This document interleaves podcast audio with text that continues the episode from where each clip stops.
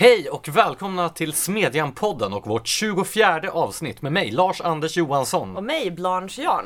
Vad ska vi prata om idag, Blanche? Idag ska vi prata om löntagarfonder, äganderätt och tjänstemän som tror att de är politiker. Men först, Hänt i veckan. Ja, vad har då hänt i veckan? Vi har varit, eller ja, det var ju förra veckan då förstås. Vi har varit på bokmässa i Göteborg. Vad tyckte du om det? Men det var lite avslaget. Ja, det var ju tydligen fler utställare i år än förra året då temat var nationalsocialism. Men eh, ändå färre än vad det har varit tidigare år. Och jag fick det förklarat för mig från en som är involverad i mässan att tydligen så är det många av de små utställarna, alltså små förlag och liknande, som sålde så dåligt förra året att de gick så pass mycket back att de inte vågar ställa ut i år igen. Så det var tydligen märkbart färre utställare. Och jag tyckte också det kändes som att det var färre besökare. Det var bara på lördagen som det var någorlunda så som det har brukat vara. Tidigare. Ja, så man kunde ju röra sig mellan montrarna i en hastighet över en snigels på både torsdagen och fredagen, vilket kändes jätteskönt egentligen. Men för Timbro gick det bra. Jag hörde att förlaget gjorde försäljningsrekord i år igen, trots ett vikande besöksunderlag på mässan som helhet. Nu tar högern över. Ja, det måste vara Smedjans förtjänst, det är jag övertygad om. Vi har ju tryckt ett pappersnummer också. Av, av Smedjan-tidningen. Ett fantastiskt pappersnummer med det bästa från det gångna året. Ja, det måste ni lägga vantarna på, lyssnarna, om ni har vägarna förbi Timbro eller något evenemang där vi medverkar. Då kommer vi ha med oss Papperssmedjan. Yes. Eh, något annat om, eh, om bokmässan? Ja, alltså det var inte bara avslaget så tillvida att det var färre besökare och färre utställare. Jag tyckte också att det saknade lite i brist på bättre ord kanske man ska säga, saknade nerv. Det fanns liksom ingen, det var ingen stor fråga som dominerade, det var inga skandaler, inga kulturbråk. Det inga kändes... nazistmarscher. Nej, men även innan dess så har det ju funnits, jag vet inte om det var bråken kring nazisterna förra året som tog död på det här eller om det är något slags allmän stämning i i hela offentligheten. Det är ju inte bara en mässa för bokbranschen. Det är ju en allmän kultur och medie och kändismässa. Och det kändes som att eh, luften lite grann hade gått ur hela offentligheten. Ja, alltså jag kan inte riktigt säga att jag är personen som har örat mot marken i kultur och medievärlden på det sättet. Men eh, jag förstår vad du menar. Ska vi, ska vi lämna bokmässan?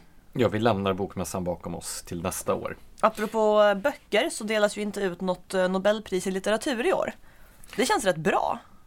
Eh, för det första, varför delas det inte ut något Nobelpris i litteratur? Ja, det har ju varit lite grejer med Svenska Akademin.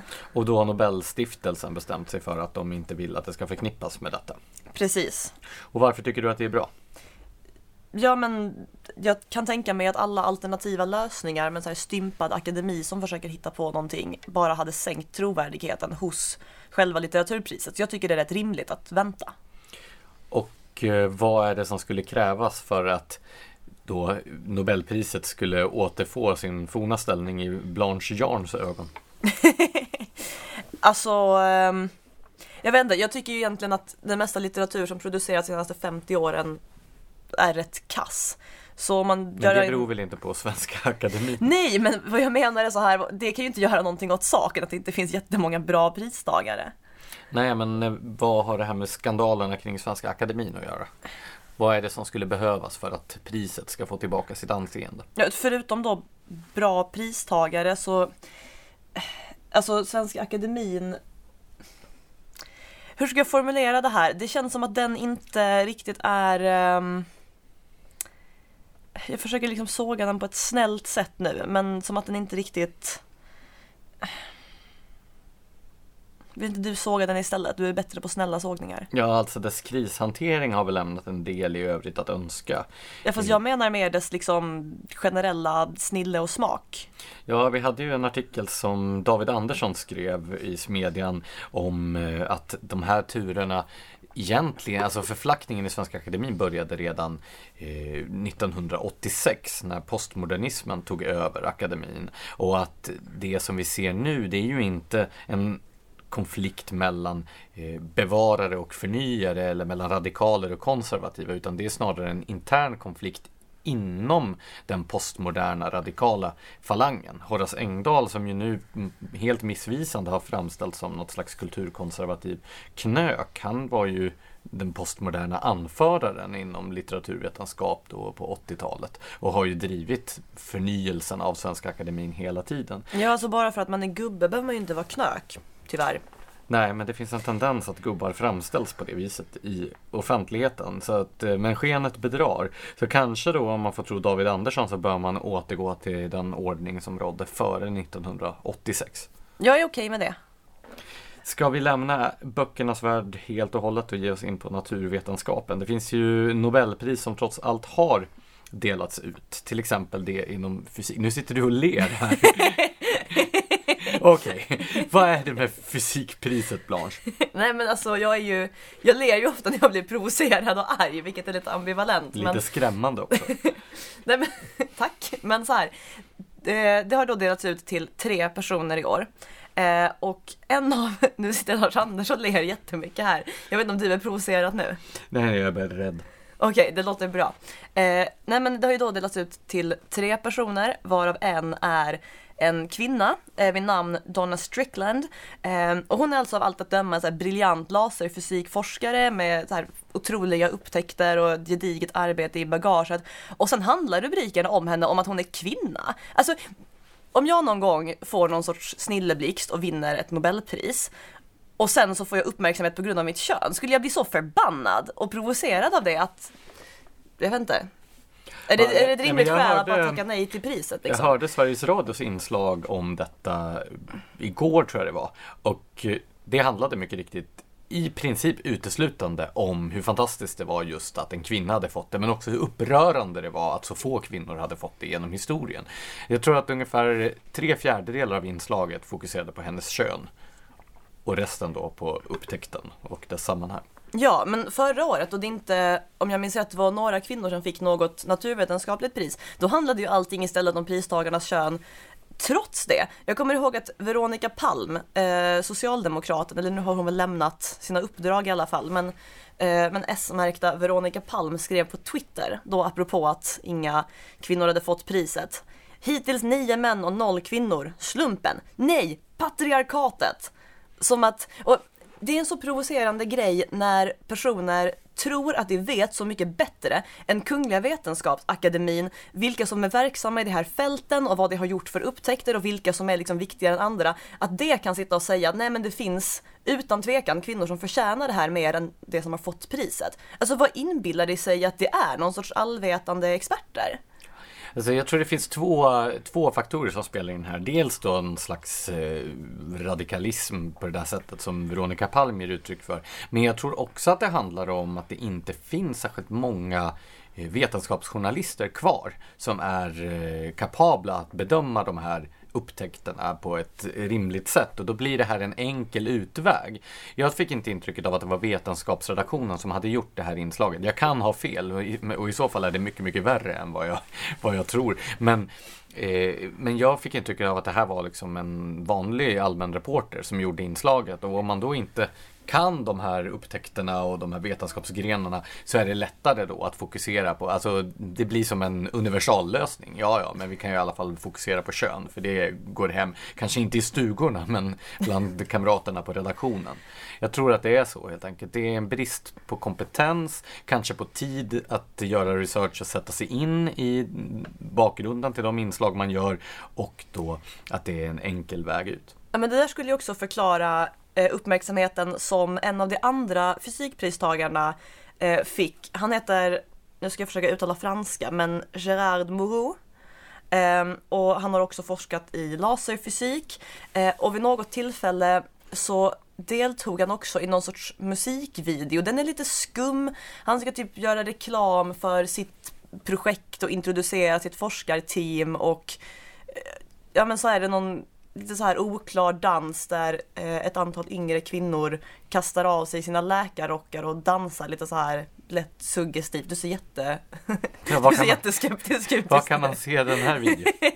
Nej men den, den har ju lagts upp av, av SVT och alla andra som lyfter det förskräckliga i att den här Gerard har deltagit i det här eh, Men det är någon slags sexistiska... pornografisk video då? Eller? Nej, alltså nej. Det handlar om nej, okej, jag fattar inte riktigt vad det handlar om, men nej, den är inte pornografisk. Och men jag... vad, vad består det upprörande med videon? Vad är... Ehm, Och vem är det som är upprörd? jag, vill säga, jag kan inte riktigt se det upprörande i det, så istället har jag, har jag googlat. Eh, Agnes Wold eh, förklarar till exempel för den icke insatta att musikvideon är ett bevis för att det inte råder jämställdhet i den akademiska världen. Och någon framlade som att eh, de här kvinnorna är accessoarer till eh, männens forskningsprojekt eller något sånt där. Ehm, Framgår allt detta i videon alltså? alltså man kan väl tolka in mycket i dans, antar jag, men jag ser det inte riktigt. Okej. Det här är i alla fall så upprörande att Vetenskapsakademin har känt sig tvungen att ta avstånd från den här videon. Men, men den är inte upprörande alltså, anser du? Som har sett den? Alltså jag blev ju inte upprörd. Jag vet inte om jag är jätterepresentativ för folk i allmänhet vad gäller att bli upprörd över saker, men eh, nej, den var inte upprörande. Men om vi skulle göra en Den var- motsvarande video här på Smedjans redaktion, skulle du bli upprörd då? ja, det skulle jag, för det var ju en väldigt ostig och töntig och, och orimlig video Till liksom. skillnad mot för de videor vi har gjort tidigare. Vänta, har vi, va? Vi gjorde ju en reklamvideo för den här podden till exempel. Ja, den där vi ser ut som plastfigurer. Ja, precis. Just det. Ja, den var lite... Den- är ju skum av andra skäl, det att den är filmad med så handkamera så att vi gungar lite Ja, obehagligt. den är lite obehaglig. Men eh, jag tycker inte den låg på den här franska nivån, tack och nej, lov. nej, det är ju klart. Ehm, ska vi gå vidare till nästa? Så eh, Kungliga Vetenskapsakademin har också problem med en snuskig fransman just nu. Som Vem har inte det nu för tiden? ett tecken i tiden. Det verkar vara en trend. jo, tack. Ja, eh, sen har ju riksdagen dumpat statsministern. Ja, det var ju inte en dag för tidigt. Nej, han borde ha avgått på valnatten. 2014. Exakt. Fast det var en annan statsminister som avgick då på valnatten vill jag minnas. Ja just det, det, Ja. det var ju då det blev en grej. Ehm, nej men alltså det är ju jättekul att han inte är, fast han är ju någon sorts interimstatsminister ändå. Nu. Ja, vi Men kommer aldrig att bli av med honom. Nej men det var ju en gest som kändes trevlig. Sen kommer han ju vara tillbaka som ordinarie statsminister innan det här året är över förmodligen. Men varför avgick han inte av sig själv? Ja men han är en socialdemokrat vid makten. Det är inte som att det bara kommer, ah, ja jag släpper det här ifrån mig. Nej, men det var ju ändå lite märkligt. Alltså, det, är det inte mer förnedrande att tvinga att bli bortröstad? Jo, man kan ju tycka det, eller så känner man att man kämpade in i det sista eller någonting. Jag vet inte, men eh, min, eh, min spådom är att han kommer att komma tillbaka före årsskiftet. Eh, och jag säger det delvis eftersom varje gång jag förutspår någonting sånt här så slår det inte in. Du är helt enkelt dålig på att se in i framtiden. Nej men jag tror det är så att universum istället anpassar sig så att jag ska ha fel. Så jag tänker att om han nu inte blir statsminister innan det här året är slut så är det nu tack vare mig. Jag tycker ändå att det är någonting lite mysigt nu med det här politiska vakuumet som råder när vi inte har någon riktig regering. Det produceras ingen politik. Jag tänker på den belgiska situationen, två år utan regering. Och Italien klarade väl sig i ett halvår eller mer utan regering. Alltså, behövs det ens en regering? Nej, alltså ofta känner man ju sig tryggare när det inte finns någon. Jag kommer att tänka på den eh, by eller stad eller vad det är i Alaska som under mer än ett decennium hade en katt vald till borgmästare.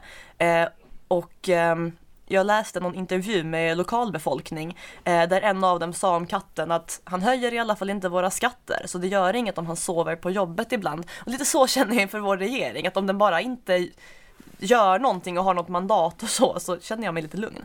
Men inte nog med det att det inte produceras någon politik och höjs några skatter. Det är ju ingen valkampanj heller. Det är ju så otroligt skönt just nu. Gud förbjude att det skulle bli ett extraval eller liknande. Men Ja, det produceras varken politik eller valkampanjer. Men däremot 10 pushnotiser om dagen om vilken fika talmannen bjuder på, Jo, men- det börjar bli tröttsamt. Fast du gillar ju fika. Ja, jag älskar fika, men Och sen, alltså, den, den som är den starkast lysande stjärnan just nu, det är ju ändå talmannen Andreas Norlén som verkligen känns som att han har hamnat i sitt rätta element. Har du någonsin sett en talman som är så nöjd med att vara talman? det är sant. Han verkar, han verkar nästan medryckande lycklig över det här. Jag kan bara gratulera, I guess. Jo men det är fantastiskt. Norlén är ju en karaktär. Jag hoppas att vi får möjlighet att bjuda in honom till podden någon gång. Har vi någonsin till exempel tidigare haft en eh, talman som har varit ordförande i svenska Ronald Reagan-sällskapet? Va, har han? Han har varit det, alltså, han, han är inte det just nu men han är tidigare. Det är fantastiskt. Och han har ju drivit också så förtjusande bisarra frågor som riksdagsledamot. Som till exempel hans förslag att bygga en kopia av det gamla slottet Tre Kronor på Blasieholmen bakom Nationalmuseum. Det vill säga där man planerar Nobelcentret just nu. Jag är helhjärtat för. Så att denne man nu har rikets näst högsta position är ju ändå smått fantastiskt. Jag tycker det känns fint. Med, när vi ändå är på gott humör. Ska... Låt oss förstöra det och ta upp Jämställdhetsmyndigheten. Ja, Jämställdhetsmyndigheten är alltså en av de nya myndigheter som, jag höll på att säga den sittande regeringen, men den eh, nyss avgångna regeringen inrättat. Den inrättades första januari i år. Yes, eftersom det råder sån brist på myndigheter och pengar som delas ut till onödiga projekt. Och nu har det då blivit en del buzz i offentligheten kring ett eh, anslag som man har beviljat till ett projekt som du kanske vill berätta mer om? Nej men det, fin det finns ju två grejer som är eh, som har lyfts fram. Eh, den värsta kommer vi till men den näst värsta är ändå det, den nästan nästan en halv miljon kronor som IKFF, alltså Internationella kvinnoförbundet för fred och frihet, har fått för att citat motverka den ensidiga och mansdominerade debatten om kärnvapen genom att Nytt citat, stärka kapaciteten hos kvinnor att delta i den svenska kärnvapendebatten. IKFF är då starkt för nedrustning och verkar se det som en kvinnofråga. Det, jag kan ju hålla med IKFF här om att det är väldigt ensidigt. Att de kvinnor som engagerar sig i kärnvapendebatten oftast är mot kärnvapen. Och där skulle vi ju då kunna kanske skicka in en ansökan till den här myndigheten. Jag tycker vi kan nöja oss med kanske 200 000 kronor för då att hitta kvinnliga skribenter som kan skriva för kärnvapenupprustning. Ja, men jag kan tänka mig att själv ställa mig som kandidat till förfogande. Jag tror att det skulle bli fan, ett fantastiskt steg framåt för jämställdheten och mot då den ensidiga och mansdominerade debatten om kärnvapen. Äntligen! Men okej, okay, låt oss komma till det här. Alltså det här är nästan jobbigt att prata om. Men då ska organisationen Mensen Forum för menstruation få 530 000 10 kronor. Den där tian begriper jag verkligen inte. Men det här är alltså pengar de ska få för att menscertifiera arbetsplatser och skapa ett mensvänligt arbetsklimat. Jag är glad åt att du tog upp detta Blanche, för det här är ju, det här är en fråga som har hängt i luften väldigt länge. Eh, nu är jag ju visserligen en representant för patriarkatet och har väldigt begränsad erfarenhet av att menstruera. Men jag tänkte ju då bara höra, har du några förslag på hur vi skulle kunna skapa ett mensvänligt arbetsklimat här på redaktionen? Åh oh, gud, jag vill befinna mig någon annanstans just nu. Alltså, nej men jag kan verkligen inte begripa det här. Alltså, alltså vad är det här tänkt att innebära? Är det någonting, alltså Okej, hela den här idén med att så här normalisera allt möjligt som inte bör normaliseras eller pratas om utan som man väl bara kan ha liksom i en privat jävla garderob någonstans. Det här att I all... en garderob? Men det är väl där man stänger in saker man hemlighåller. Skelett jag, jag vet och... inte var man menstruerar någonstans. men... Okej, okay. eh, låt oss, alltså vad fan, låt oss gå vidare och bara, ba, bara landa i att vissa saker kan man väl bara hålla privat och inte liksom ge så himla mycket uppmärksamhet och skattepengar. Men alltså är menstruation så tabubelagt? Jag tycker det pratas om det hela tiden. Det pratas alldeles för mycket om det. Men finns det någon annan kroppslig funktion förutom möjligen fortplantningsproceduren som upptar så mycket utrymme i offentligheten? Jag kommer inte på någon. Sen vill jag inte riktigt tänka efter om jag ska vara helt ärlig. Men eh, nej. Och det, nej. Nej, det är obegripligt. Jag fattar inte varför man gör en affär av det här. Jag tycker inte man borde göra en affär av det här och jag vill jättegärna lämna ämnet. Men om det skulle vara så att du kommer på förslag till åtgärder som skulle kunna skapa ett mensvänligt arbetsklimat på Smedjans redaktion så föreslår jag att du tar upp det med vårt skyddsombud Siri Steyer. Hon skulle säkert bli överlycklig. Eh, men jag, jag ska se till att, eh, att göra det. Bra, bra snack. Eh, och efter detta aptitliga ämne. Vi firar ju eh, två högtidsdagar idag. Ja! Till att börja med, grattis på kanelbullens dag! Varför firar vi kanelbullens dag? Jag vet inte riktigt varför det är idag, men kanelbullar är ju jättegoda och de flesta bakverk ska väl ha en dag. Det finns ju chokladbollens dag, bulle med bullens dag, eh, våffeldagen. Så det är väl bara rimligt att kanelbullen som ändå håller en, en alltså den har ju en stor plats i, i mångas hjärtan, får en egen dag. Alltså, jag har två hypoteser. Antingen så firar vi eh, kanelbullens dag till åminnelse av det ämne vi strax kommer att komma in på, nämligen eh, löntagarfondsmarschen 1983. Eller, och det här håller jag för mer sannolikt, så är detta någon slags socialistisk konspiration från arbetarrörelsen för att då ta uppmärksamhet från löntagarfondsmarschen. Fast det där vore ju jättedåligt för att vem vill inte fira löntagarfondsmarschen med en kanelbulle? Men hur många artiklar ser du inte om kanelbullar i jämförelse med artiklar om löntagarfondsmarschen? Okej, jag köper konspirationsteorin. Så därför måste vi då dra vårt strå till stacken här och tala om den stora demonstrationen som ägde rum detta datum i herrens år 1983. Du skrev en artikel som publicerades i morse.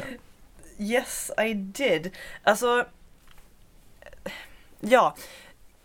Grejen är att som jag ser det var den här löntagarfondsmarschen som alltså enligt de generösare beräkningarna lockade 100 000 personer till Stockholm att gå ut på gatorna och demonstrera. Det var egentligen den sista gången i den svenska borgerlighetens historia, eller i alla fall den senaste, jag hoppas det inte var den sista, då borgerligheten sa ifrån. Alltså blev så provocerad av frihetsinskränkningar ovanifrån att den gick ut på gatorna.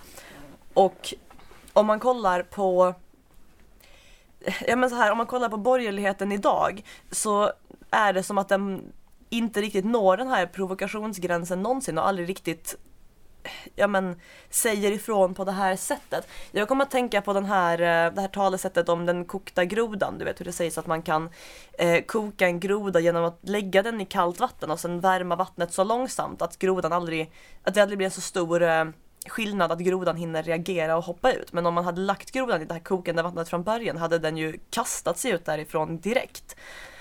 Och då tänker jag så här, den här mandatperioden har skatterna höjts med enligt skattebetalarna 66 miljarder kronor. Det är en enorm siffra även med så här statsbudgetmått mätt.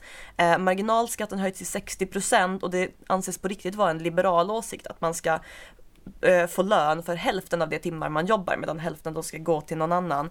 Eh, och regeringen Reinfeldt lyckades ju nätt och jämnt, som du har skrivit om, eller som du skrev om just efter valet. Regeringen Reinfeldt lyckades ju nätt och jämnt få ner skatten till Olof Palmes vildaste nivåer.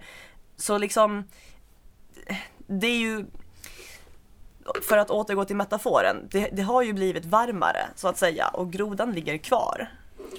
Ja, sen ska man ju också komma ihåg att den här löntagarfondsmarschen 1983, den föregicks ju av mer än ett decennium av aktiva kampanjer från framförallt näringslivets olika organisationer.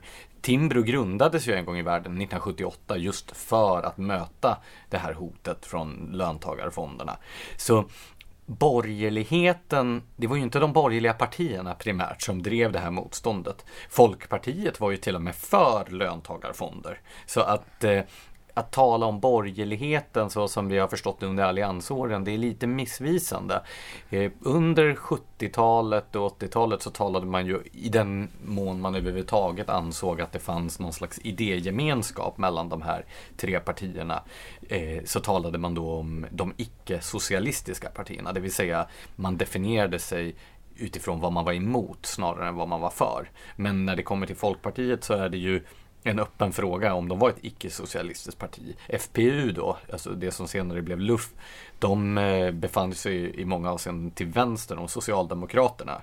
Jag läste en intervju med med eh, Lars Leijonborg som berättade att när han var förbundsordförande så var det flera personer i hans förbundsstyrelse som öppet angav att de röstade på kommunistpartiet och inte på Folkpartiet. Det där är ju både bisarrt och skamligt. Så att näringslivsorganisationerna kände ett behov av att kliva in är ju ganska begripligt. Det var nu, nu anknyter det här är ju lite grann av min, mitt favoritämne. Jag skrev en bok om näringslivets opinionsbildningshistoria som kom 2012. Eh, 1900 Hatets och illviljans kolportörer. Precis. En av mina favorittitlar. Det är ju ehm, det är ju ett citat från Olof Palme där han beskrev, ja sådana som oss som arbetade åt näringslivsorganisationerna som opinionsbildare. Man var alltså en hatets och illviljans kolportör om man motsatte sig löntagarfonder. Men det här var ju då redan 1971 så påbörjade SAF då, Svenska Arbetsgivareföreningen, föregångaren till dagens Svenskt Näringsliv, sin opinionsbildningskampanj mot de här sakerna eftersom LO hade lanserat sitt förslag till löntagarfonder. Och det mynnade sju år senare ut i Timbror just. Ja, och visst var det så att Socialdemokraterna som ju sedan adopterade det här förslaget från LO aldrig riktigt egentligen verkade brinna jättestarkt för det, utan att det var som att det här förslaget bara sipprade in i S och sen stod det plötsligt där och var för det. Ja, Olof Palme var ju aldrig personligen för detta. Men vad jag har läst mig till så anslöt sig Palme och Socialdemokraterna till löntagarfondsförslaget eftersom man fruktade att det här var en så stor fråga att den riskerade att splittra arbetarrörelsen. Och det, är ju, det har ju blivit ett bevingat uttryck, det som finansminister eh, Kjell-Olof Feldt skrev på en liten lapp i riksdagens kammare och som fotades med teleobjektiv från pressläktaren. Just det, det var en dikt, eller hur? Ja, där han skrev eh, Löntagarfonder är ett jävla skit men nu har vi baxat dem ända hit. Och det säger väl någonting om ambivalensen inom socialdemokratin. De löntagarfonder som sedermera infördes också efter valet 1982. Eh, det var ju en betydligt mildare version än den, det som hade eh, lanserats på 70-talet som i praktiken hade inneburit att det svenska näringslivet skulle helt och hållet ha socialiserats. Ja, vi kanske borde gå igenom hur det här var tänkt att funka. Alltså Ja. löntagarfonderna var ju eh, en idé att så kallade övervinster i företag skulle 20% av dem skulle konfiskeras och placeras i en fackligt kontrollerad fond, alltså löntagarfond, eh, som sen köpte upp företaget för att liksom ta över ägandet. Så företagare i Sverige skulle betala för fackets maktövertagande av deras egna företag. Ja, det skulle införas en speciell skatt på ägande som sen skulle tillföras de här fonderna eh, som då fackförening, eller fackförbunden skulle kontrollera och köpa aktier köpa aktier i företagen som hade betalat skatten. Äh, det är, det är verkligen ett groteskt förslag och det är begripligt att dagens socialdemokrater väldigt ogärna talar om den här extrema politiken som man drev, som kom då från LO. Det är inte så vanligt att dagens folkpartister pratar om eh, partiets positiva inställning till det här heller. Det är helt enkelt en pinsam parentes.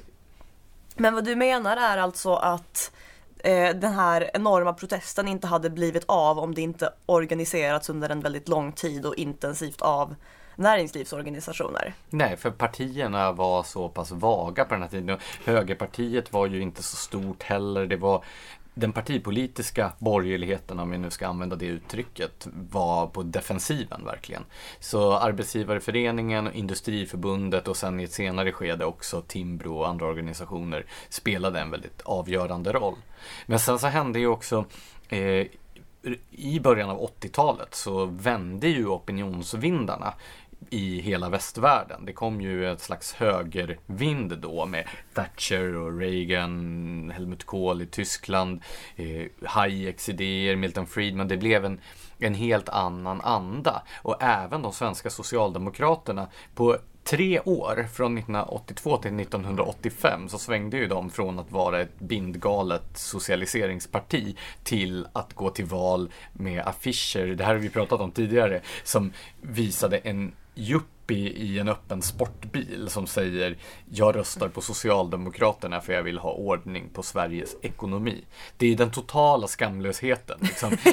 DDR och sen rakt över i liksom, yuppie-eran på tre år. Det är en sjuk omsvängning. Men alltså just det här att det inte ens var särskilt spontant, även om det förstås var liksom allvarligt känt och så. Det är ju ännu mindre hoppingivande för att det är så ofta jag liksom tittar på skattetryck eller läser om någon ny frihetsinskränkande politik och känner att här, folk borde bli så mycket argare av det här. Så här, gå ut på gatorna, klättra upp på barrikaderna och vara förbannad över det här. Men just det här att det sker i så små steg gör att det aldrig riktigt arbetar upp tillräckligt mycket, ja men rättmätig jävla ilska. Efter andra världskriget så var det ju en motsvarande situation också. Det infördes ju ett antal ekonomiska regleringar under krigsåren på grund av det mycket speciella tillstånd som råder när det är krig i omvärlden. Och Socialdemokraterna som var radikala även då ville ju att de här eh, regleringarna skulle bli permanenta. Och då infördes eh, det här så kallade planhushållningsmotståndet som Eh, från näringslivet. Näringslivets fond var det som, som drev detta eh, mot att man skulle behålla krigsregleringarna under efterkrigstiden. Och det var väl då den första början på näringslivets opinionsbildningskampanjer för äganderätten. Men sen då när man hade stoppat de här regleringarna från andra världskriget så slutade näringslivsorganisationerna opinionsbilda och det blev den här Saltsjöbadsandan. Man återinträdde i det. Eh, det var arbetsfred, parterna förhandlade på arbetsmarknaden, politiken skötte sitt och då börjar väl det här, den här upphettningen av vattnet om vi ska använda din metafor. Att under eh, Tage Erlanders långa statsministerperiod så eh, höjs ju skatterna successivt hela tiden. framförallt under 60-talet så skjuter de, skjuter de fart. Eh, och sen då när Olof Palme tar över så blir det ju helt jätteradikalt. Ja, alltså jag kollade upp det här och vid andra världskrigets slut så var skattetrycket eh, i förhållande till bruttonationalprodukten 18 procent av BNP. Och idag ligger det på 44,4 procent om jag inte minns fel. Så ökningen är ju verkligen gigantisk. Eh, och faktum är att för exakt 100 år sedan så hade eh, skattetrycket som andel av BNP precis kommit över 10 procent. Så det är verkligen inte så här små siffror och små skillnader det här rör sig om utan mer än det är en 4,5 dubbling över 100 års tid. Ja. Ja. Eh, apropå det här med skattetryck så eh, noterade jag en annan sak eh, när jag genomförde min dagliga nyhetsbevakning. Eh, det här att den gångna mandatperioden har 87 svenska kommuner höjt kommunskatten och av dem är 26 stycken alliansstyrda. Och då är det inte så att alla andra är vänster utan det är 26 alliansstyrda jämfört med 34 vänster. Med andra ord, det är nästan lika vanligt att en blå kommun höjer skatten som en röd och det här är ju det här är ju abnormt i ett sånt extremt högskatteland som vi lever i. Eh, vilket gjorde mig väldigt ja, men, provocerad över borgerligheten tills jag eller okej, okay, tills du påpekade för mig att eh, kommunerna ju eh, i praktiken är nästan gisslantagna av staten. Det handlar ju dels om att de har krav på att eh, Eh, erbjuda medborgarna väldigt många skattefinansierade saker som de inte har något annat val än att ta ut skatt till. Men också om eh, det kommunala utjämningssystemet som ju gör att man inte vinner någonting på att försöka sköta sin egen ekonomi. Ja, och sen finns ju också den här aspekten av att eh, kommunerna tvingas bära kostnaden för politik som de inte beslutar om själva. Alltså statlig politik som staten bara dumpar konsekvenserna Eh, av i knät på kommunpolitiker som måste finansiera det med skattehöjningar. Det mest aktuella exemplet är naturligtvis migrationspolitiken där man på kommunal nivå inte har någonting att säga till om och sen så kommunplacerar staten då de eh, flyktingar som som då man har bestämt sig för på nationell nivå att man ska ta emot. Och sen så blir det här, visst det är två år med statliga bidrag till kommunerna men sen efter det så blir det ju kommunernas kostnader. Och vi vet ju hur det ser ut med integrationsproblematiken, framförallt på arbetsmarknaden. Att en väldigt stor del av de människor som kommer, kommer inte att komma in på arbetsmarknaden. Definitivt inte inom eh, två år. Men vissa av dem kommer aldrig att komma in på arbetsmarknaden Eh, om vi ser hur det har sett ut historiskt. Och det betyder ju då att det här blir en jättestor kostnad för kommunerna att bära eh, under lång tid framöver och som de inte haft någon som helst möjlighet att påverka själva.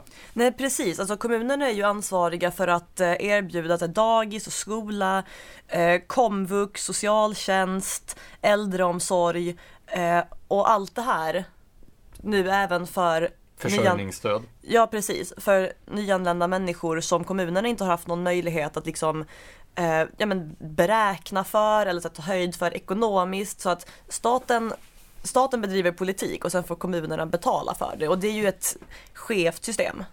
Ja, sen så finns det ju visserligen några kommuner där man nästan tycker att de får skylla sig själva. Jag läste om, vilken kommun var det? Det var en Norrlandskommun där Peter Kadhammar i, i Aftonbladet, han hade varit uppe och gjort ett reportage och där talade ju då eh, kommunstyrelsens ordförande om 2015, 2016, 2017 som de gyllene åren. För att eftersom de fick så många kommunplacerade flyktingar så fick de så otroligt mycket statsbidrag också som följde med de här. Och det är ju ett kortsiktigt sätt att förhålla sig som, eh, ja, där man tänker att de här kommunpolitikerna kanske förtjänar då den problematik som de drar på sig själva. Det kan komma att råka ut för en obehaglig överraskning. Det som är mest provocerande dock, det är ju det som du nämnde med det kommunala utjämningssystemet. Som ju från början var tänkt att jämna ut skillnaderna i förutsättningar mellan då små glesbygdskommuner med en mindre skattebas och då storstadskommuner, rika storstadskommuner, så att det skulle finnas en någorlunda jämn samhällsservice över landet.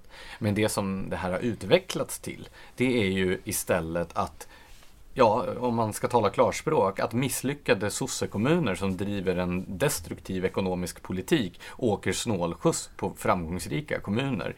Där då invånarna sitter och betalar kommunalskatt som går då till Göteborg och Malmö som är de största mottagarna i det här systemet. Och ja, det är ju verkligen inga glesbygdskommuner heller, utan storstäder. Ja, så oavsett vad man tycker om de principiella grunderna för det kommunala utjämningssystemet så som det var tänkt från början så är det ju helt makabert även med systemets egen logik att man sitter och finansierar storstadskommuner i expanderande tillväxtregioner med andra kommuners skattebetalares pengar.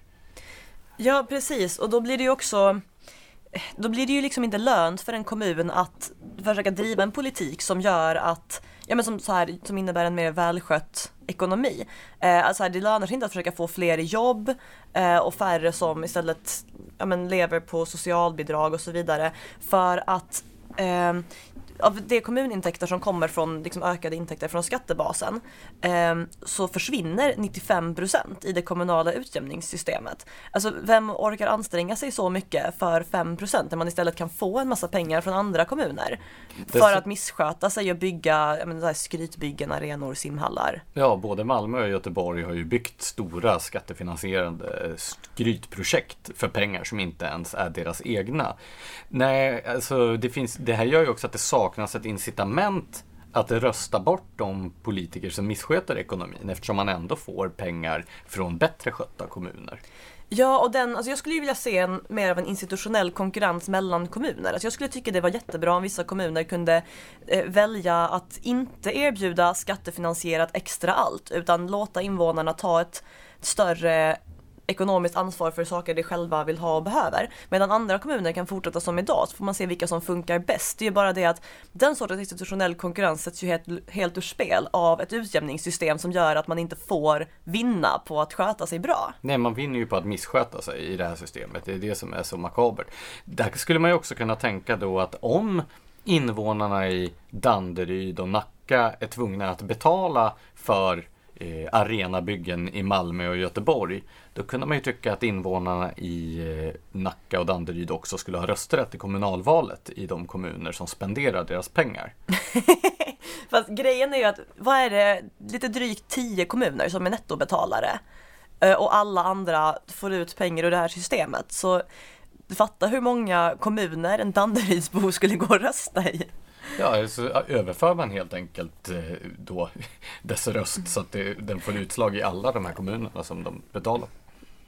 Å ena sidan, men å andra sidan innebär, alltså så här, det finns ju eh, partier som har olika kvalitet i olika kommuner. Ja, naturligtvis. Så jag vet inte om jag tycker det, det skulle var, vara jätterimligt. Det här var inte ett helt realistiskt förslag utan det handlar mer om att belysa den här principen att det är orimligt att då man kan sitta i en kommun och rösta för en destruktiv politik som bygger på att någon annan i en annan kommun ska betala för den utan att ha möjlighet att rösta bort då de som, de som bedriver den destruktiva Fast beskriver du inte hela skattesystemet nu? Där folk som lever på liksom skatter från andra kan rösta om hur hög skatt det ska vara på andra. Jo, men här är det ju den kommunala självständigheten ska ju då enligt lagen vara ganska långt gången men den kringskärs ju helt och hållet av det här utjämningssystemet som ju definitivt har spelat ut sin roll. Det är ju som med kulturpolitiken. Den uppfyller ju inte ens sina egna mål. Då måste man ju göra om systemet i grunden. Om den inte ens liksom levererar enligt sina egna premisser, då är det ju fel på alla sätt. Ja, då har det verkligen misslyckats. Ska vi ta och gå vidare till eh, nästa ämne? Nämligen tjänstemän som har fått för sig att det är politiker istället för tjänstemän. Ja, det här hänger väl lite grann ihop med det föregående ämnet. Nämligen att då de här skattepengarna som pytsas in i systemet används för att bedriva aktivism på olika nivåer. Ja precis, det har ju kommit ett exempel som varit ganska hett den senaste veckan. Eh, nämligen det här 261 tjänstemännen på regeringskansliet. Där initiativtagarna och många undertecknare arbetar på UD. Eh, som har skrivit ett brev eh, där eh, där de ställer frågor till sin arbetsgivare om till exempel eh, vad som händer med deras lojalitetsplikt mot arbetsgivaren om den kommer i konflikt med regeringsformens bestämmelse om människors lika värde. Eh, om arbetsgivaren kan garantera värdegrunden hos nästa regering eh, och Eh, ifall man skulle tvivla på att det här inte var ett partipolitiskt ställningstagande så undrar de även hur de ska kunna företräda Sverige internationellt om företrädare för regeringen eller partier i regeringsunderlaget ger uttryck för exempelvis åsikten att judar, samer eller muslimer inte är svenskar, vilket då är vad eh, Björn Söder i Sverigedemokraterna ganska ordagrant har givit uttryck för. Så det här är ju ett ställningstagande mot Sverigedemokraterna men även i praktiken mot en alliansregering. Om inte den liksom sitter ihop med Socialdemokraterna, då vet ju alla att det egentligen skulle bli en socialdemokratisk regering.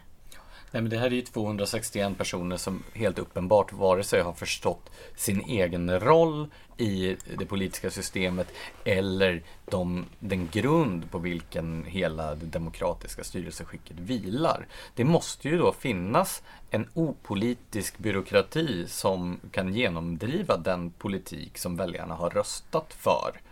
Annars faller hela systemet. Då har man ju inte möjlighet som medborgare att påverka systemet. Om då byråkratin börjar driva sin egen agenda. Sen är väl det alltid en risk i alla byråkratiska system. Men där har Sverige väl en av världens, åtminstone tidigare, minst korrupta byråkratier. Vi har ju en byråkratisk tradition som går tillbaka till 1600-talet som vi då har, även om en stark statsmakt kanske inte är eh, smedjans favoritämne att höja till skyarna så vill vi ju åtminstone att denna statsmakt ska vara så okorrumperad som möjligt. Och det här är väl ett tecken i tiden, just att aktivism belönas mer än pliktuppfyllelse. Det ser vi ju inte bara i byråkratin utan på en rad områden. Inom journalistiken till exempel så har ju de som Eh, uttrycker åsikter och eh, driver en agenda fått mycket större utrymme än de som gör det journalistiska hantverket. Det tröga och otacksamma i att gräva fram saker. Och det är ju klart att då ser ju de andra eh, kollegorna detta och blivande journalister, studenter på journalistutbildningen och så vidare. Och sen agerar de därefter. Om man belönar en sak hela tiden så är det klart att det kommer också att öka. Ja, då skulle jag ändå säga att det är värre när tjänstemän blir politiska än när journalister blir det. Eh, för att alltså, en journalist kan man ju trots allt välja bort så länge den inte då är en del av den statliga televisionen eller så. Men, men annars kan man ju liksom helt enkelt välja bort det som är för politiskt. Men hela grejen med opolitiska tjänstemän är ju att man ska kunna lita på att den politik man har röstat på även är den som genomförs om tjänstemännen ska börja bli politiska då måste man ju typ ha val till varenda tjänsteman. Men där, tjänstemannapost. Men där tror jag att det är två stycken trender. Det ena är det här att det inte längre anses kreddigt att vara en torr byråkrat. När var det kreddigt? Jag tror att det ändå var ganska mycket så under 1800-talet, början av 1900-talet, ja in på 60-talet åtminstone, att just den här eh, oväldige tjänsteman, när vi hade också ett tjänstemannaansvar och sådär. Jag tror att, att jobba inom den statliga byråkratin ansågs vara fint en gång i världen. Jo okej, okay, jag förstår vad du menar. Det var mer det här att vara torr som jag tänkte att, ja. Ja, men det hade ju också en status förr innan det blev kredit att vara löjlig och gapig och skrikig. Men det är en annan diskussion. Eh, den andra trenden som jag tänker på, det är varifrån man rekryterar. Det verkar ju så att det är meriterande att ha en aktivistisk bakgrund inom det fält som man sen ska sitta och handlägga som tjänsteman. Och det är ju ett jättestort problem. Som till exempel när Naturvårdsverket rekryterar tjänstemän som kommer direkt från ja, men Naturskyddsföreningen eller Greenpeace eller den typen av organisationer. Det borde ju inte vara en merit att ha hållit på och varit aktivist inom området när man söker jobb. Det borde vara en belastning i sådana fall. Eller eh, stadsbyggnadskontoren där det då är massa, jag vet inte om du har noterat att de här cyklarna cykelaktivisterna som hela tiden håller på och ragear på Twitter så fort som trafikfrågor eh, förs på tal och som vill förbjuda bilar i alla städer och så vidare. Om man går in på deras profiler, för, förutom att de framhåller att de gärna cyklar överallt, så står det oftast att de jobbar inom stadsplanering och stadsbyggnad. Så det verkar som varenda sån här eh, nylon man. Eller vad är det de kallas? Nej, jag kallar dem spandexmän. Jo, men de, det finns ju memiler. Lykramän. Lykramän, precis. Där har vi, har vi namnet. Varenda lykramän, man verkar ju jobba inom stadsplanering och då är det inte så konstigt att trafiken fungerar som den gör. Men just det här att vara intresserad av någonting så till den milda grad att man blir en aktivist är också då meriterna som gör att folk hamnar på olika myndigheter och det är ju ett jätteproblem. Ja, liksom att ta ställning i en fråga blir att vara intresserad av den på ett objektivt sätt på något vis. Jag kommer även osökt att tänka på den tredelade serie om eh, 68-vänstern och sida vi har publicerat i Smedjan. Det var ju verkligen, en eller jag vet inte hur det är idag, men åtminstone då var det en extremt aktivistisk myndighet där i princip alla tjänstemän följde och drev en vänsterlinje. Um, och alltså apropå det kommer jag att tänka på den här feministiska handboken som UD nyligen släppte. Alltså ingen, kan ju, ingen som har läst den kan bli överraskad av att tjänstemännen på UD är politiska. Men du får nog berätta för lyssnarna om den här handboken. Men har inte alla läst den? Nej men okej, så här. Eh, den feministiska utrikespolitiken är ju en av de stoltaste, eller det projekt som regeringen den nyligen avgångna verkar vara stoltast över. Eh, och då har de skrivit en liten handbok som sammanfattar vad det går ut på att bedriva en feministisk utrikespolitik och så har de strösslat den med lite citat från ambassadpersonal på svenska ambassader runt om i världen. Det vill säga opolitiska tjänstemän extremt opolitiska tjänstemän som bland annat tycker att det känns tryggt att ha en solid ideologisk bas för jämställdhetsfrågorna och fullt stöd från den politiska ledningen i bedrivandet av utrikespolitiken. Eller som ser den feministiska utrikespolitiken som en inspiration. Alltså för mig låter det här verkligen inte opolitiskt. Det här är ju ett ställningstagande. Um, och när man, när man har läst den så blir man inte jätteöverraskad att det sen tar partipolitisk ställning i, på hemmaplan heller. Alltså det, det, finns egentligen jättemånga exempel på det här. Jag kommer osökt att tänka på Charlotta Riberdal, skogsutredaren, som alltså var satt att utreda skogsvårdslagen.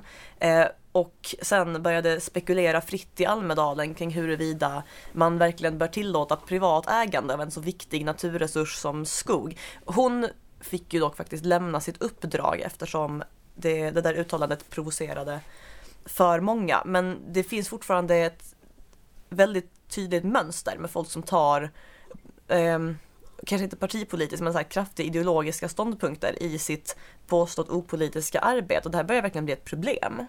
Ja, ett område som jag har haft anledning att titta närmare på många gånger, det är ju kulturpolitiken, där det här är särskilt vanligt. Och kulturpolitiken är, kompliceras ju också i det här avseendet av att man tillämpar någonting som man kallar för principen om armslängds avstånd. Ett begrepp som jag menar helt och hållet missbrukas i Sverige eftersom vi, har, vi tillämpar den inte egentligen utan principen om arm, armslängds avstånd har blivit då någonting som aktivister på offentligfinansierade myndigheter gömmer sig bakom. historien bakom den här principen är att efter andra världskriget så hade man från en rad olika länder ganska dåliga erfarenheter av statlig inblandning i kulturlivet. Hur menar du nu? Det fanns länder som hade gått ganska långt i sin statlig, vad är, vad är det anhängarna av statlig kulturpolitik brukar säga? Offensiv statlig kulturpolitik. Ja. Och eh, då fanns det en eh, nationalekonom i Storbritannien som heter John Maynard Keynes. Kanske inte den som står högst i kurs på Smedjans redaktion. Nej. Men han blev i alla fall utsedd till ordförande för Arts Council, alltså det brittiska kulturrådet. Och då för att garantera att det inte skulle bli ministerstyre på det sätt som man hade sett i Tyskland, Sovjetunionen och så vidare, så införde man den här principen och den gick ut på att Kulturrådet skulle få agera självständigt från de politiker som beviljade anslagen till Kulturrådet. Och Kulturrådets ledamöter plockades in från den fristående kultursektorn, det vill säga den icke offentligt finansierade kultursektorn som var helt oberoende av det offentliga. Och då kunde man ju också ha den här principen om armslängds avstånd.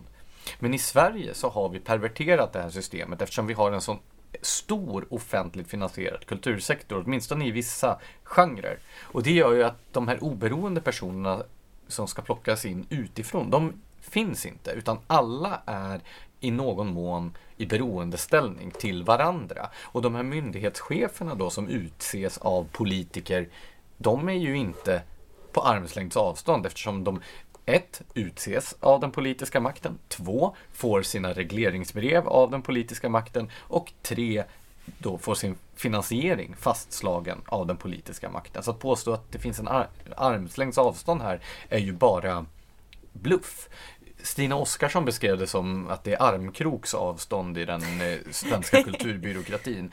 Och det är ju så man får se det när Alice Bah Kuhnke påstår att hon inte kan göra något när Anna Särner på Svenska Filminstitutet eller då chefen på Östasiatiska museet vill bedriva pro politisk propaganda för, för eh, skattebetalarnas pengar. Då är ju det helt enkelt bara ett sätt att hon duckar för att hon egentligen ger fritt spelrum åt den här typen av aktivism. Ja, det var ju även hon som beställde in den här listan på ett par hundra vänsterprofiler som skulle kunna sitta i insynsråd och eh, olika ledningsgrupper eller vad det var.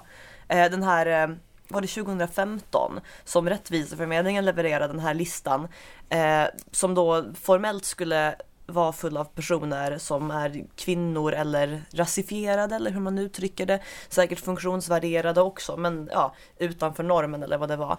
Eh, och sen kollade man på listan och 98 procent var liksom vänsterprofilerade typ. Var det då samma lista som ansåg att Alexandra Pascalido hade för lite utrymme i svensk offentlighet också? ja, det var det. För tanken var ju att de här personerna får för lite space i egenskap av kvinnor och eh, rasifierade och så. Så det menade då att det fanns för lite av eh, Pascalidos ansikte runt om i den svenska offentligheten. Och jag tror det här var rätt nära in på att hon eh, släppte den här filmen om tiggare där hennes ansikte dels är i fokus för omslaget och dessutom är med en extra gång för att verkligen demonstrera att det är hon som har gjort den här filmen. Så ja, det blev lite kul där.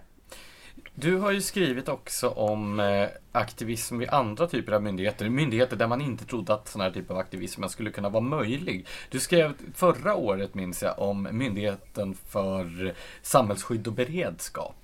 Ja, alltså det där är det där är så orimligt. Det delar ju ut forskningspengar varav rätt mycket går till genusforskning som ofta utförs vid Karlstads universitet. Det är ett universitet nu va? Högskola? Universitet? Jag tror tyvärr att det har blivit ett universitet. Ja, har Malmö blivit ett så har väl allt blivit ett. Eh, men okej, okay, Karlstads universitets eh, genusvetenskapliga centrum. Eh, det jag hakade upp mig på där var att 10 miljoner hade gått till jag tror det skulle undersöka hur eh, en samhällskris, eh, hur hanteringen av en samhällskris hänger ihop med, med könsroller och genus på något vis.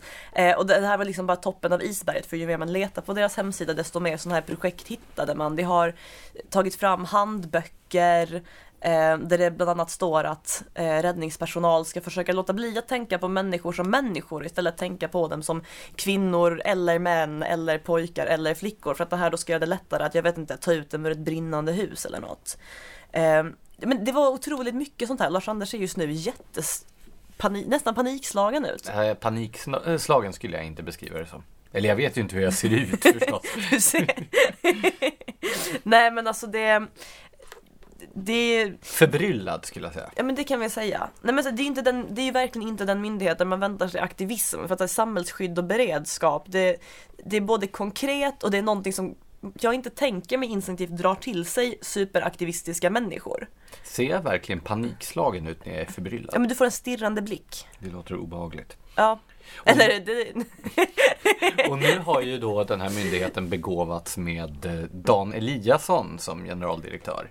ja alltså den här myndigheten är ju verkligen på väg utför. Alltså hur många myndigheter har han hunnit sabba vid det här laget? Två, tre? Försäkringskassan, polisen och Det finns en till, eller hur? Hur kan vi glömma det här? Migrationsverket. Migrationsverket! Just det! Eller okej, den enda han verkligen konkret har sabbat kanske ändå är polisen. Det är två andra ställde han väl bara till en massa problem för. Det är i alla fall tur att eh, MSB har krisberedskap som sitt specialområde. Ja, det var några vitsar på det temat när han utnämndes. Ja, och eh, sen så har vi ju naturligtvis Myndigheten för ungdoms och civilsamhällesfrågor som vi hade en stor serie om förra året. Där då personer från ganska tveksamma miljöer satt och delade ut stora belopp skattepengar till då väldigt tveksamma organisationer i samma miljö som handläggarna kom ifrån. Ja, och när det uppmärksammades på problem i de här miljöerna så kallade in eh, någon bidragstagare till ett möte och frågade typ har ni problem med det här i era miljöer? Och det bara nope. Och det var liksom en granskning MUCF sen kände sig nöjd med. Där måste jag dock säga att på en sån myndighet som ägnar sig åt att ösa skattepengar över sådana grejer kanske inte aktivismen är lika överraskande. Nej, men de delar ju ändå ut, vad är det, 500 miljoner eller något sånt där. Så att det. Siffran låter bekant. Det är ju många gånger fler än Jämställdhetsmyndigheten. Den är för övrigt säkert inte alls lika aktivistisk utan kommer att förhålla sig saklig till Ja. olika ideologiska ståndpunkter. Ja, och där har vi ju också chansen att själva få oss en skärv när vi mensanpassar vår arbetsplats. Certifierar. Menscertifierar vår Yes, arbetsplats. det handlar om att skapa ett mensvänligt arbetsklimat. Sen har vi ju Polismyndigheten också. Ja, precis. Det finns ju där, nu kanske vi inte ska ge hela Polismyndigheten skit, men det finns ju ett, en grupp tjänstemän som har någon sorts personlig vendetta mot privat vapenägande och låter detta ta sig uttryck i så här rent rättshaveristiska beslut där eh, vapenlicenser som enligt alla regler borde beviljas eh, förhalas och sen inte beviljas samtidigt som de här personerna i media opinionsbildar emot privat ägande av vapen. Så det är inte som att man försöker sopa igen några spår heller utan det är liksom väldigt öppet. Så vad ska vi göra åt det här Blanche? Vad vi ska göra åt Ja. Gräva ner guldet. eller sy in pengar i madrassen. Nej alltså, Man blir ju inte jättesugen på att betala skatt om man nu var det innan. jag var inte jättesugen redan innan men, men nej det blir man inte. Och ehm, ja alltså jag vet inte vad man ska göra åt det här. Den här politiska rötan går ju så djupt genom så många myndigheter som är tänkta att vara befolkade av opolitiska tjänstemän att man känner sig helt enkelt lite uppgiven. En åtgärd som ju har efterfrågats från olika håll är ju att återinföra tjänstemannaansvaret. Det vill säga att tjänstemän kan hållas ansvariga för vad de faktiskt har gjort. Att juridiskt ansvariga för vad, om de inte följer då sitt uppdrag. Mm, jag tror det vore ett steg i rätt riktning. Men så länge de här tjänstemännen har en massa skattemiljoner att dela ut så finns det ju fortfarande en ganska bra grogrund för den här sortens aktivism.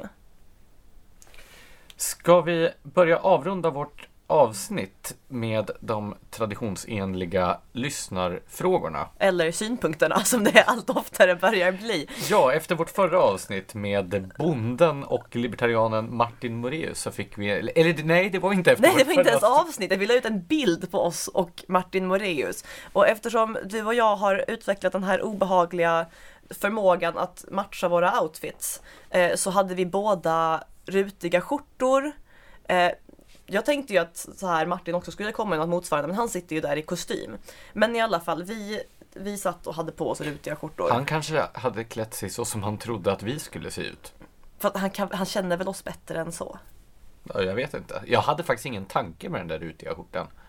Nej, nej, alltså inte jag heller, men det var ändå vad jag liksom väntade mig av Martin ungefär. Men, men i alla fall, vi lägger ut den här bilden och får Smedjans redaktion tar avstånd från den här typen av fördomar mot lantbrukare som Blanche gör, ger uttryck för. Jag är från Svalöv, jag får ha fördomar om lantbrukare. Det är du som är stadsbo som inte får.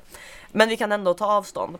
Ehm, ska, vi, ska vi gå igenom det här helt enkelt? Om vi tar varsin, turas om lite. Ja, alltså de här kommentarerna eller man skulle ju kunna sammanfatta dem, ett gäng av dem i alla fall, som går ut på att eh, vi tydligen då enligt bedömare i, inte såg tillräckligt glada ut på bilden. Vilket glatt gäng! Punkt, punkt, punkt. Muntergökar är det också någon som säger. Sicket gäng! Punkt, och punkt, här vill jag då understryka att det fanns ju ett antal olika bilder att välja på. Och på alla bilder utom den här bilden så såg vi faktiskt väldigt glada och uppsluppna ut. Problemet är att vi då även ser efterblivna ut. Alltså, jag tyckte att vi såg trevligare ut på de andra bilderna. Men du ser ut som en pilsnergubbe och jag ser ut som... Det här att le funkar inte jättebra för mig. Alltså, du såg trevligare ut. Ja fast, ja okej. Det fanns i alla fall trevligare bilder, men eh, vissa på redaktionen hade synpunkter på dessa bilder och därför blev det den här sura bilden. Men det var också en annan synpunkt. Ja och den här förvirrar mig lite. Då har en Marcus Persson Åsling eh, skrivit Kul att ni tagit på er fake flanell dagen till ära. För mig är det här helt nytt i det att jag inte ens visste att det fanns falsk och äkta flanell. Jag trodde det bara fanns bra och dålig. Äkta flanell kanske inte har kommit till Svalöv. Fast jag, har ju lämnat Svalöv. Nej, men om någon av våra lyssnare vet hur man skiljer äkta flanell från fake så får ni väldigt gärna höra av er till Smedjans redaktion så kan vi ta ställning om, till om vi är för eller emot. Ja, kännedom skulle oavsett uppskattas. Det var allt för oss för den här gången. Ja, nu ska vi väl äta kanelbullar tror jag. Om vi ska. Vi hörs igen nästa vecka. Tack för att ni har lyssnat. Glad kanelbullens dag!